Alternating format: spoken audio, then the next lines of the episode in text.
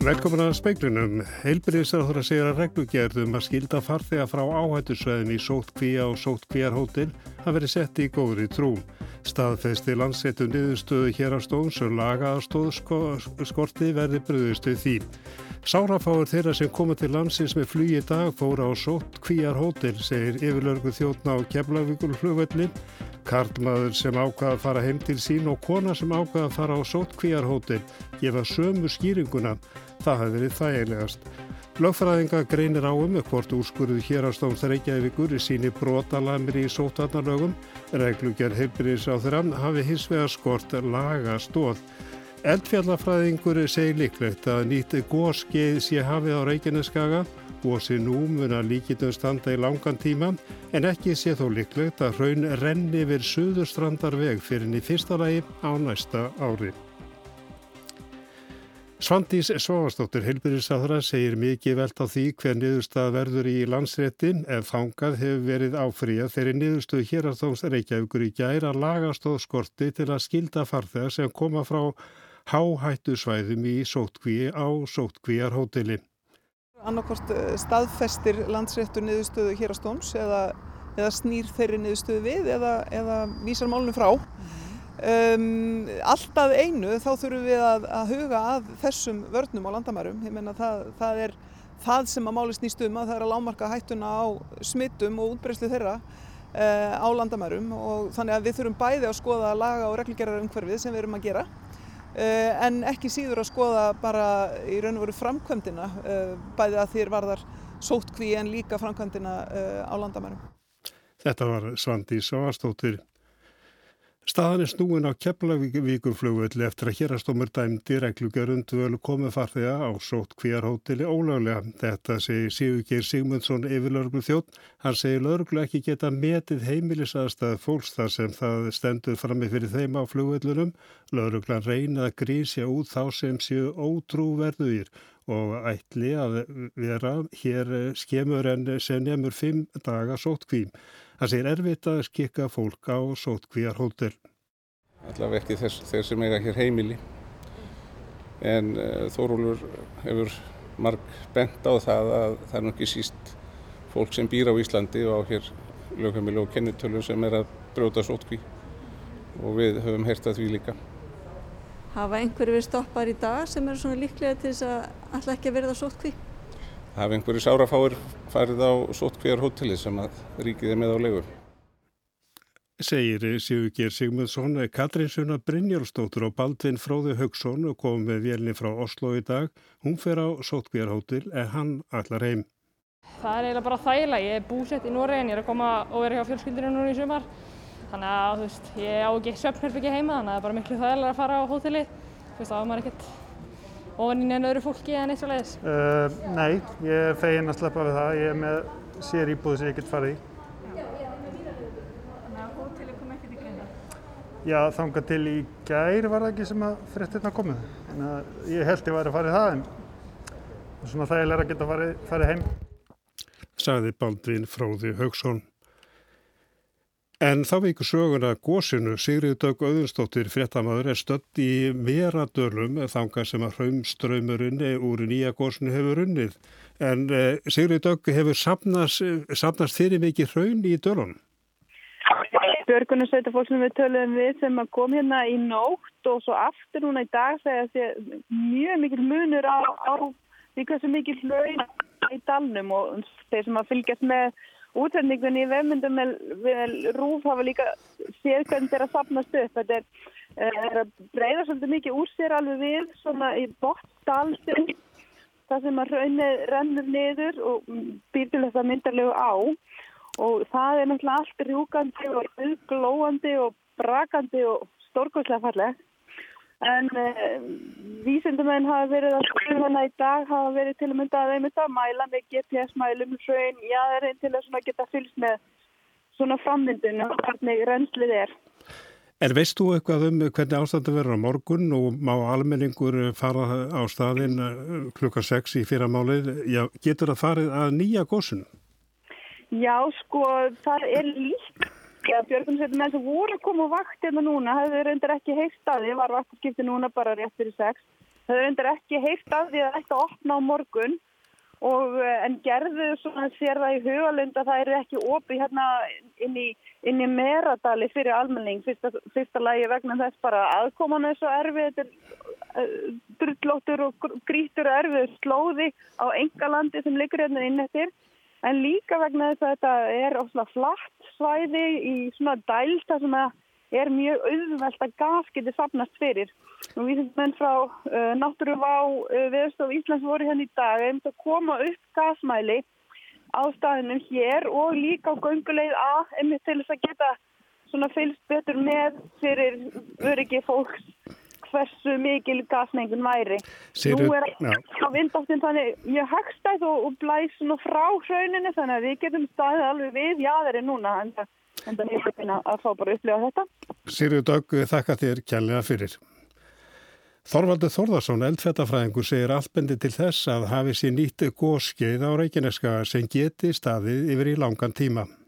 Manni finnst þetta allt benda til þess að við séum að fara inn í aðra góðshrinu og það sem er kannski aðtíklas verðast við þessar góðshrinur er það að þegar það er verða að það fara öll kerfin á Reykjanesuna stað. Ekki bara eitt, heldur þá er raun að veru eldar út á Reykjanesi eða kerfinu Reykjanesi og alveg upp í, jafnvel upp í hengil. Mér finnst þetta þóttið svona skemmtilegt og ef, maður á að reyna að taka eitthvað með á sögunni, jærsögunni, að þá held ég sem að fara inn í skeið þar sem við munum geta fengið góðs á öllu þessum kerfum. En hvort að það gerist allt núna næstu árum eh, þykir mér ólíklegt, heldur kannski dreifist það á næstu 200-300 ár, eitthvað svo leiðis. Þetta var Þorvaldur Þórðarsson, nánaverður talaði hann síðar í speklinum. Lektor við lagadelt Háskóla Íslands vil ekki taka svo ákveði til orða nýðust að hérastóms síni brotalögum í sótvandalögum, lögumadur er á öndverðu meðin. Kári Hólmar Ragnarsson, lektor við lagadeilt Háskóla Íslands, segir dómaran hafa komist að þeirri niðurstöðu að reglugerð heilbriðisráð þeirra skorti lagastóð hefði við líklega eftir á eftir áhyggja verið æskilegra að það lægi alveg skipt fyrir til nákvæmlega til hvaða aðgerða fyrirhauða var að grýpa og þá að, að mælt væri fyrir um þær aðgerðir í lögunum bara skipst og, og hugsa getur. Gísli Káur Björnsson lögumadur segir að stíljanlegt síðað stjórnvöld vilji byggja á einhvers konar sóttvarnarreglum sem eigi að ná til almennings. Hins vegar sé brotalögum í sóttvarnarlögum ekki sé hægt að beita fyrirfram ákveðnum viðlögum. Við getum ekki tekið menn og sett á einstar inn að því við vitum ekki hverjir að þeim munu brjóta af sér. Uh, við, getum, við vitum ekki eins og hvort einhverjum brjóta af sér. Það er ekki fyrir en einhver brítur af sér sem er hægt að beita einhverjum viðlögum. Gísli og Kári eru sammálum að ákvæði stjórnarskrárinar séu nærri í málinu. Réttindi fólks og ferðarfrelsi hafi verið takmörkuð með vistun á farsóttahóteli sem sé keimlíkt en auðungavistun. Þetta er heimil aðgjörð í grunninn en, en til þess starfa sem þau uppfylla ákveðin skilirði þá aðalega um lagaheimilt og það var þar sem með úrskurðurinn fjall og e, síðan er, er spurning hvort að, að e, frelsisvistingin teljist nöðsynleg. Þetta var Kári Hólmar Ragnarsson, Markus Þóraldsson tók saman. Nefnundur í fósforskóla geta snúið aftur til náms á morgun eftir páskafrí en unni var að viðgerðum í húsnaði korpusskóla um páskana eftir að raka skemmtir komuð þar í ljós. Mikla kom upp í fósforskóla og hafið starfseminn eh, verið flutt í korpusskóla af þeim sökum. Áðurna raki fannst þar. Ingi Björg Íri Pálmadóttur er skólastjóri fósforskóla. Eftir því sem okkur skilst á sérfræðingum að þá er, þá er húsnaði bara heilnægt og gott, já. Var þetta þá bara minniháttar vandamál sem kom upp? Þetta voru allt svona staðbundin mál og nokkuð keimlík þannig að það, hér á að vera allt í góði og búið að laga það sem þurft að laga. Tökum morgundeginum eins og hann er og hlökkum til að fá krakkan í hús. Hvað er að frétta af Fossvóksskóla? Vistu eitthvað hvernig framtíðin verður með hann? Það var farin að stað svona rínihópur eða vinnuhópur sem var búin að fara yfir allt húsnæðið. Það var í rauninu allt sett lagt til hliðar til þess að hægt væri að mannskapurinn gæti innbeitt sér að þessu verkefni hér og svo fara þeir að fara í hitt verkefni og það býður bara næstu vikna. Hvernig var þér við eftir alla þess að sögu í fósflokksskóla þegar þú fjast að heyra að það væri mikla hérna líka? Þetta er bara svona verkefni sem maður þarf að takast á við og af hverju ekki við eins og einhver annar. Saði Ingi Bergir Pálmadóttir, Arnildur Haldunadóttir talaði við hana. Magnús Gottfredsson, professori í smittsjúkdómum, segir að síkingamáttur breska veiru afbreyðisins sem gangi hér nú sé meir en eldri afbreyðan og því þurfi hertaraðgeri til að sportna við ástandunum. Ef það sé ekki gert aukist líkur á hóp smitti hér á landi. Hann vonar að stjórnmálamenni byggi traustari lagastóð undir aðgeriðnar. Hérastómur Reykjavíkur úrskurðaði í gæra að ríkið mætti ekki skikka þá í sóttkví í sóttvarnarhúsi sem kert höfðu dvölina. Sóttvarnarlæknir tilkynnti á upplýsingafundi almannavarna í dag að dómi hérastóms yrði áfriðað til landsréttar. Gera má ráð fyrir að einhvern tíma taki að skera úrum hvort sóttvarnalæknir geti ákveðið hvar fólk á að vera meðan það er í sóttkví eða hvort fólk eigi sjálft að fá að ráða því. Sjöflugvélar komu til landsins í dag og af þeim farþögum voru engir skikkaðir í sóttkvíjarhótel nema erlendir ferðamenn frá hárauðum löndum sem ekki höfðu bókað hér hótel. Sóttvarnalæknir sagði á upplýsingafundurum í dag að ákveðið hefði verið að herða á reglunum vegna þess að fólk hefði brotið sóttkví og það hefði verið veiran sjálf sem kom upp um það. Þá höfum við núna undanfarið aðalega verið að finna brotin vegna út af, út af raðgreiningu veirunar. Þannig að við sjáum hver, hvernig smittin hafa verið og þegar að farið er að ganga meira á fólk sem hefur komið erlendis frá og verið í sóttkví og, og jafnvel því verið lofað að það verið ekki sekt að það gengi eitthvað hart fram að þá segir það frá því raunvarulega hvernig, hvernig brotin voru. Magnús Gottfreðsson segir að það geti haft alvarlegar afleðingar að varnir hér á landi nái ekki að hindra að smitt berist til landsins. Veiran hefur breyst. Hún hefur breytt aðeins um ásýnd, uh, hún er meira smittandi sem að þýðir það það að það er meira veirumagn sem að er framleitt í uh, öndunavegum og það hefur líka sínt sig í nákvæmlega löndunum að hver Eh, einstaklingur sem er smitaður, hann smittar fleiri. Þar að segja smittstöðlinn er herri heldur en í þessum eldri ábreyðum sem við vorum að fást við fyrr í vetur. Og þetta þýðir þá það að síkingarmátturinn er um, sterkari. Og ef við ætlum að reyna að spórna gegn auknum síkingarmætti þá þarf hertari aðgerðir. Og í ljósi þess að það er reynslan sínir okkur og það er bara tölfræðileg staðrind að það er ekki 100% eftir fylgni eða, eða uh, það er ekki allir sem að fara í einu og öllu eftir fyrirmælum. Þá er þetta í raun og veru bara ákveðin líkindareikningur. Uh, hvenar gerist það að einhver sem að sleppur framhjá uh, og er kærulus er kannski mjög spenntu fyrir góðsunu svo dæmi sé nefnt. Og um, er með mikið veirumagn uh, sem að auðveldlega dreifist. Uh, hvenar gerist það að úr þessu verður hópsmitt eða smitt meðal kannski einstaklinga sem að fá tiltur að lítileg enginni og uh, smittkeðinni þá farin af stað en uppgötast ekki fyrir en kannski tveimur eða þreimur einstaklingum síðar og þá er uh, síkingin kannski búin að dreifa sér talsvert og það er umfangsmeira verkefni að ná utanum hana sem að þýðir þá það að íþingjandi aðgerðir gagvart öllum almenningi verða langdregnari og, og hugsanlega harðari. Magnús segir að frátt fyrir þetta sé mjög margt sem vinni með okkur. Flestir séu samvisku samir og fari eftir fyrirmælum og stöðugt bætist í þann hóp sem fær bólusetningu. En engað síður að þá eru líkunar á því að eitthvað í þessa veru sem ég var að lýsa hér áðan gerist. Það er aukast að sjálfsögðu við það að við léttum talsvert á uh, þessum kröfum sem að þarna eru gerðar. Það eru kannski 2-3% sem að ekki sinna þessu nægilega vel og það hefur þessar afleðingar og við þurfum öll að borga þann reikning. Það er ekki bara þessir, þessi 2-3% sem að sem að gera það. Reglur voru líka rýmkaðar á landamærunum á miðnætti því nú má fólk koma til landsins sem býr utan sjengjensvæðisins ef það sýnir vottorð um að það sé með mótefni. Fyrstu farþegarnir komi í morgun frá Boston. Magnús bendir á að þeir sem hafa fengið bólusetningu geti borið veiruna frá manni til manns en líkurnar á því séu verulega minni. Einnig er ólíklegt að sá bólusetti geti vext alvarlega. Þannig að eh, ég tel að eh, hættan af þessu sé eh, einhver en augljóslega verður við að reyna að komast út úr því ástandi sem við erum í, í núna. Ég hef kannski minni áhyggjur af þessu atriði heldur en því að mögulega verði uh, einhver misbrestur á því að fólk fylgi þessum fyrirmælum, fólk sem að sannanlega er að koma frá áhættisvæðum og er spennt fyrir því að komast hér út í, í frelsið og reynaloftið og, og, og skoða sig um. um.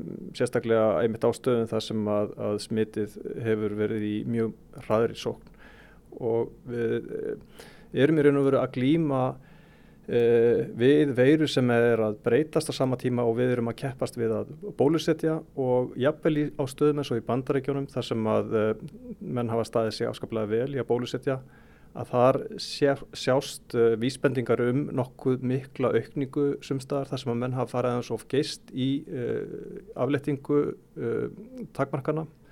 Og ég held að það bara minn okkur á að auðvitað þarf að létta á takmarkunum en við þurfum bara að finna rétta tíma til þess. Og, og vonandi tekst okkur að ná góðum árangri í bólusetningum og sleppa með skrekkin en tíminn mun auðvitað lega það í ljós og við verum bara að sjá hvort að stjórnmálamenn breyðist við og, og, og reyni að byggja tröstari lagastóð undir þessar uh, rástafanir sem þarna var áformið að, að koma á hér. Þetta var Magnús Gottfriðsson, Bergljótt Baldurstóttir, talaði við hann.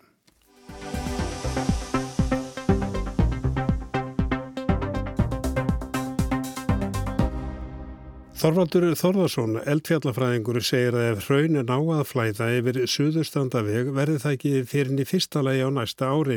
Hann segir líklegt að hafi sér nýtt gós skeið á Reykjaneskagan. Horfur sé á að gósi nú muni standa yfir í langan tíma. Nýja gósi sé meira og minna hrein viðbót við gósi í geldingadölum því megi segja að það sé verið að tvöfalda framleiðina. Hraun rennur nú í stríðum ströymi niður í Meradali. Hrauntungan tegir sér í söður í áttaðu stóra hrúti. Og ástæðan fyrir því verðist vera að, að, að, að fyrstu hraunin sem koma hann niður þau hafa stípnað það mikið að þau eru íll hreyfanleg og beina því hraunáni í, í söður átt.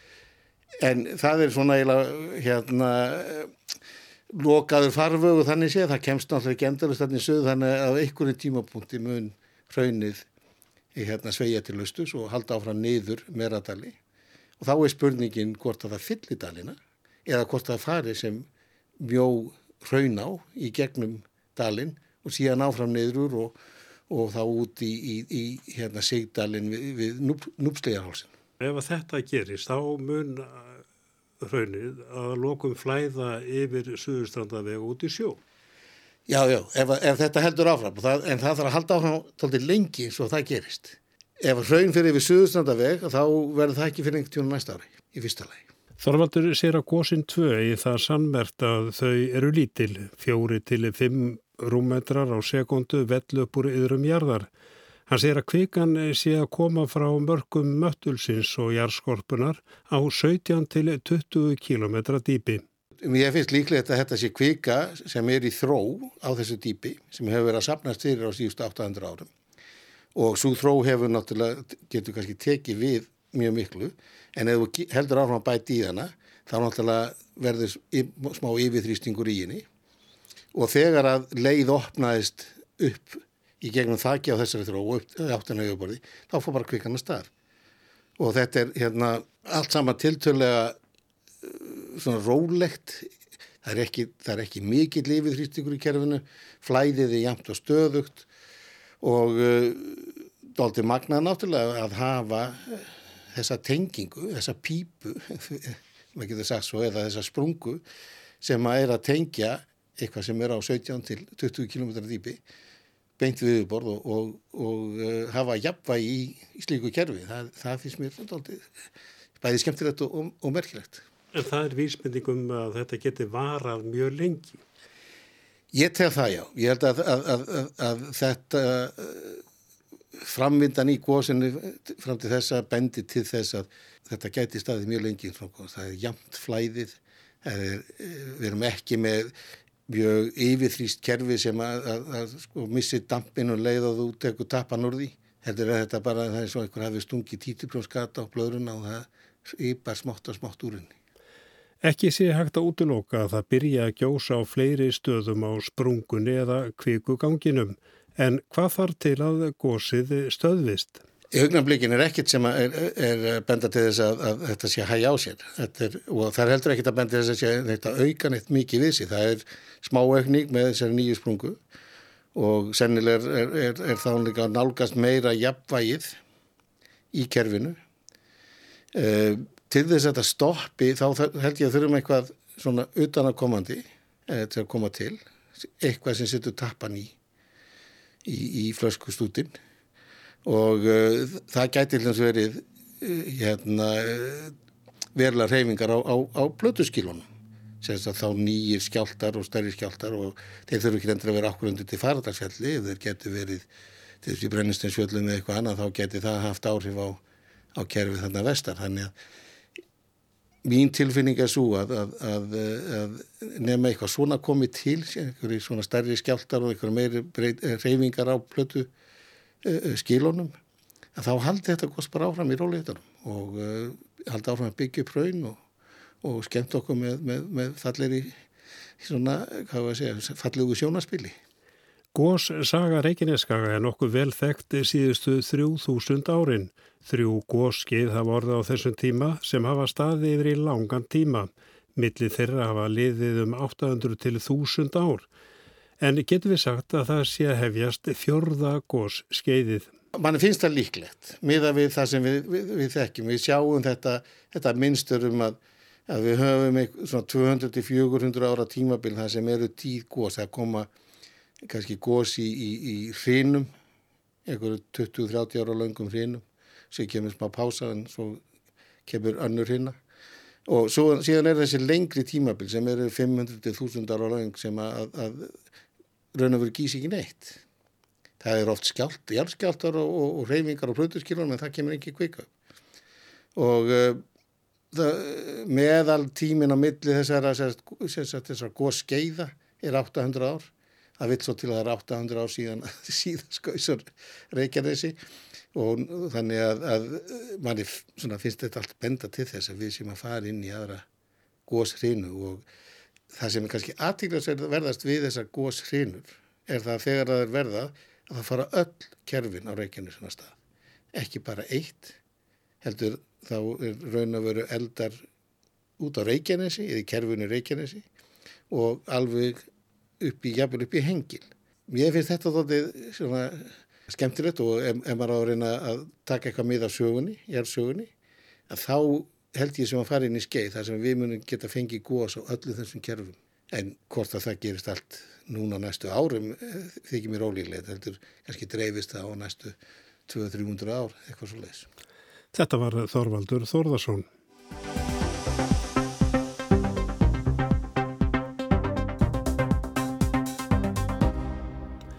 Boris Johnson, fórsættistarður að breyta, kynnti gær annað stigi afleitingu COVID-19 takmarkana sem verður 12. apríl. Ferðamöguleikar breyta utanlands í sömar eru þó enn óljósir og stærsta spurningin er eftir sem áður hvort og þá hvernig bólusetningavottor verði gert að skildu. Bólusetning gegn COVID-19 gengur áfram vel í Breitlandi. Um, 31 and a half million uh, people in the UK for, with a first jab at least, uh, well over 5 million for the, for the second jab. Eins og Boris Johnson fórsætsáþara saði viðtali á Skysjómanstöðun í morgun. Það er búið að bólusetja 31,5 miljón breyta einu sinni, rúmar 5 miljónir búnar að fá setnisbrautuna. Allt mjög jákvægt en eftir sem áður óútkljáð hvernig bólusetningin verði nýtt, það er hvort og hvernig eigi að nota bólusetningarvottorð.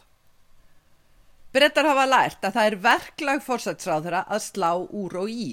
Í februar gaf Johnson í skinn að kannski þurftu brettar að venja sig við þá tilhugsun að sína vottorð til að fara á krána. Stór hluti þjóðarinnar rak upp mikið rama kvein gengi guðlasti næst að krefast þess að fólk mætti á pöppin með skýrtinu upp á vasan eða í símanum. Og enn er allt óljóst um bólusetningaskýrtinni. Næsta lósun á veiruhamlum núna 12. apríl síðan 16. mæ og svo 21. júni þegar öll höft ega hverfa ger ekki ráð fyrir neinum skýrtinum, sagði fórsatsráðara að bladamannafundi í gær. Have uh, we'll be, uh, we'll. Þegar við höfum slíkar áallanir þá munum við kynna þær, sagði Johnson. Nú þykir sínt að ekki muni þurfa skýrtinni til að komast á krána eða í búðir en líklega á fjöldasamkomur til dæmis útiháttíðir eða fótboltaleiki. Það er rætt um að gestir þurfi að sína bólusetningar skýrtinni, vottorðum hafa fengi COVID eða neikvæða niðurstuðu skimunar. Þetta verður prófað á næstunni. Og jú, bólusetningavottorð fyrir utalansferðir en þar þurfi alþjóðlegt samstarf, saði fórsætsáð þeirra. Kýr Starmer leiðtói verkamannaflokksins óð nýlega inn í þessa skýrteina umræðu. Áleit það óbrest að gera bólusetningaskýrteini að skildu, stríti algjörlega gegn breskum skilningi um hvaða skildur væri hægt að leggja á fólk. Yfirlýsingin kom nokkuð á óvart en áttu kannski að vera þrandur í götu stjórnarnar sem glýmir við andof af þessum toga í þingflokki íhalsflokksins. Síðast í dag fórsýðu efni Financial Times og allt tengist þetta áratúa deilum í breskum stjórnmálum um kennitölur og nafnskýrtinni hvorund innleitt hér. Einn staðreind um bólusetningaskýrtinni heyrist lítið rætt, eitt er að ákveða hvar og hvernig þessi skýrtinni verði notuð, annað er að koma þeim á, kannski verða að vinna í því, en tæknifróðir benda á að það taki drjúan tíma að byggja innviði fyrir skýrtinin. Blaðmannafundur fórsatsáð þar í gær snýrist um kynningu á hvað verður opnað á næstunni. Frá 12. apríl mega veitingastæðir bera fram mat utandira. Aðrar búðir en matarbúðir opna líka galleri og svo einstaklingsþjónusta eins og nutt og horgreisla. Heilsurættir opna þó án hóptíma. Frá að með miðjum mæ opnar veitingasala innanhús, einning menningarstarfsemi innandira eins og söpn og leikhús. Erfitt að trúa því en 21. júni á allt að verða opið. Fræðilega séð verða utalandsferðir heimilar frá miðjum mæ, fyrirkomulagi þó á huldu en skýrist vantarlega 12. apríl þegar vinnuhópur ríkistjórnarnar á að skila áliti. Litakóðakerfi eða umferðaljósakerfi verður líklega ofan á, þá opið til og frá grænum löndum, með lítið smitt og hátt hlutfall bólusetninga, sótkví og skimun frá gulum löndum og hótelsótkví eins og nú er frá rauðum löndum. Í viðbót á nefa bólusetningaskýrtinni meðan skimanir ekki síst vegna kostnaðar í viðbót við annan ferðarkostnað eru deiluefni. Forsætsráðara saðist í gær hafa fulla trú á að hagkerfi höfuborgarnar myndi taka hratt við sér. Uh, is to get uh, people back into the centre, get the shops open again, get people moving again into the get the agglomeration effects of, uh, of, a, of a gigantic metropolis uh, like London working. Again. Leiðin til þess væri að fá fólk aftur inn í miðborgin að opna búðirnar, koma stórborgar maskinunni aftur í gang og svo verða þetta menningarlífið. En það voru aldrei heimamenn sem heldu einir lífinu í miðborginni, heldur það er 18 miljónir ferðamannaða svo sem hafa árlega heimsótt London undan farin ár. Miðborgin með búðir, veitingastæði og menningarstofnanir af öllu tægi hefur rokna aðdráttarafl. Það er með London eins og Reykjavík ágætt að njóta þar lífsins án ferðamanna en ef á að halda í fjölbreytnina í veitingastöðum og annari þjónustu þá þarf fleiri en heimamenn eina saman. Og þá er aftur komið að þeim óleista vanda hvernig megin nota bólusetningarskýrtinni til að leipa krafti í hægkerfið. Sigrun Davistóttir sagði frá að við sögum meðal annars frá því í speklunni kvölda helbrís að það segir að reglugerðum að skilda farþega frá áhættu svæðum í sóttkvíja og sóttkvíjarhóteli hafi verið sett í góðri trú. Staðfesti landséttu niðurstuð hérastónsum að laga stóð skorti verði bröðist við því. En það er ekki meira í speklunni kvöldi, tæknumari kvöld var Magnús Þórstin Magnússon við því sæl.